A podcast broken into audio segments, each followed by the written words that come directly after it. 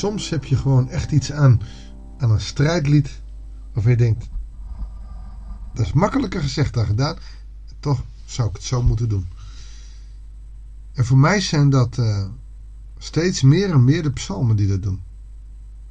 Psalmen die je helpen om tegen beter weten in God te loven en te prijzen. En vandaag ook weer een psalm. Psalm 3. Goeiedag, hartelijk welkom bij een nieuwe uitzending van het Bijbels Dagboek. Tof dat je weer luistert. Tof dat we de liederen van David mogen gebruiken om ons eigen geloof op te bouwen. Psalm 3 is een psalm. Een psalm van David op de vlucht voor zijn zoon Absalom. Als je op je vlucht bent voor je eigen zoon, dan zit je op zijn minst, en ze zacht ze zegt, in een behoorlijke crisis. Je zal maar op de vlucht zijn voor je zoon. Wauw, dat is heftig. En als je dan zo diep hebt moeten zinken, hoe ga je dan, hoe ga je dan om met God?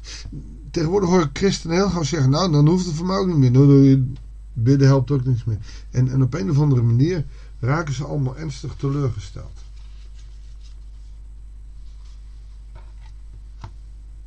Maar David niet. David gaat de andere kant op. Luister maar, Heer, hoe talrijk zijn mijn belagers. Velen vallen mij aan. Velen zeggen van mij: God zal hem niet redden. Maar u, Heer, bent een schuld om me heen. U bent mijn eer. U houdt mij staan. Of je dat voelt, dat weet ik niet. Maar als hij zegt, velen zeggen van mij, God zal hem niet redden, dan stijgt er iets in hem dat hij meteen zegt, ja, wacht even, u bent mijn schild om mij heen. U bent mijn eer, u houdt mij staande. Ook al voel ik het niet, ook al begrijp ik het niet, Psalm 139, u bent het. Roep ik tot de Heer om hulp, hij antwoordt mij vanaf de heilige berg. Lezen we ergens dat hij... Uh,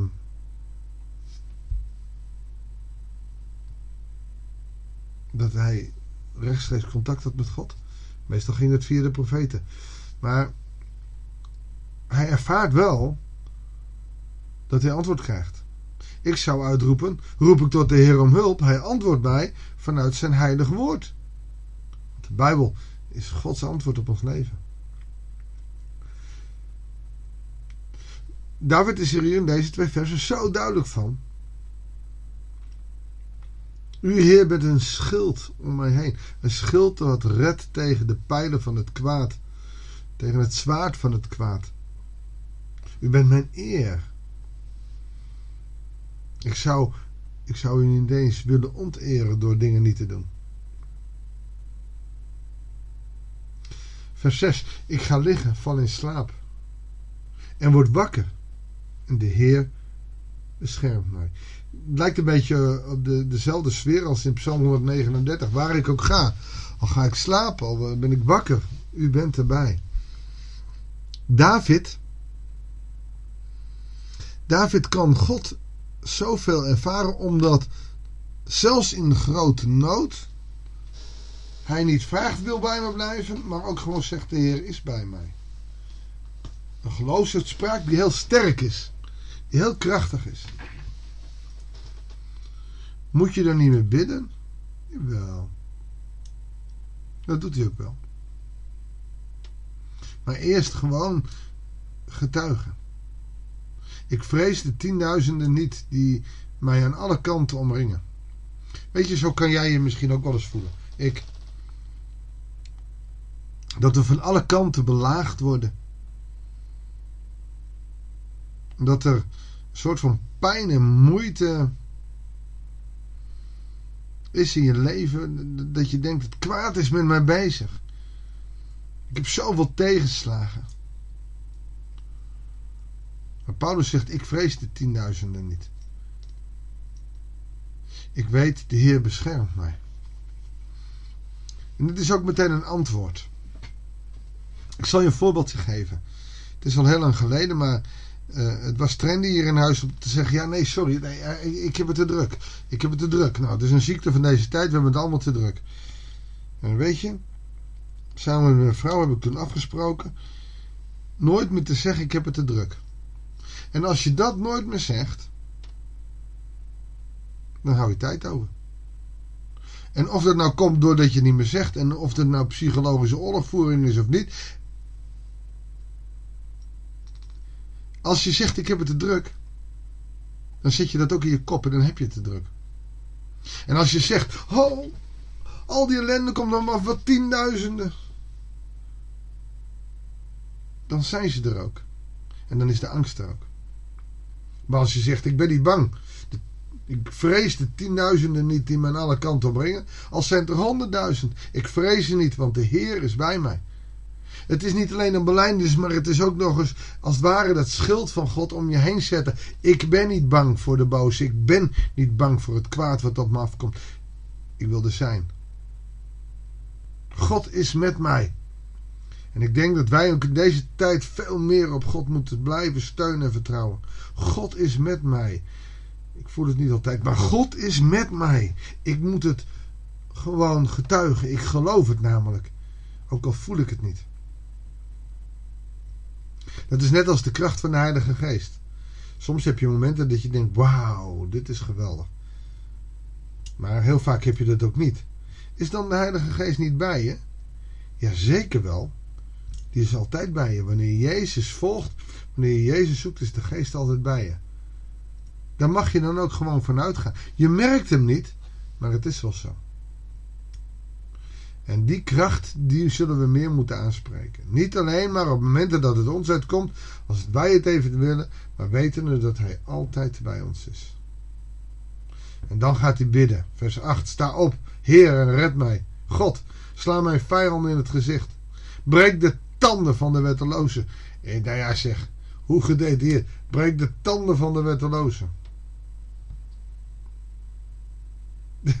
dat, is, apart, toch? Ik vind het leuk. Breek de tanden van de wet. Nee, niet dat, die tanden worden.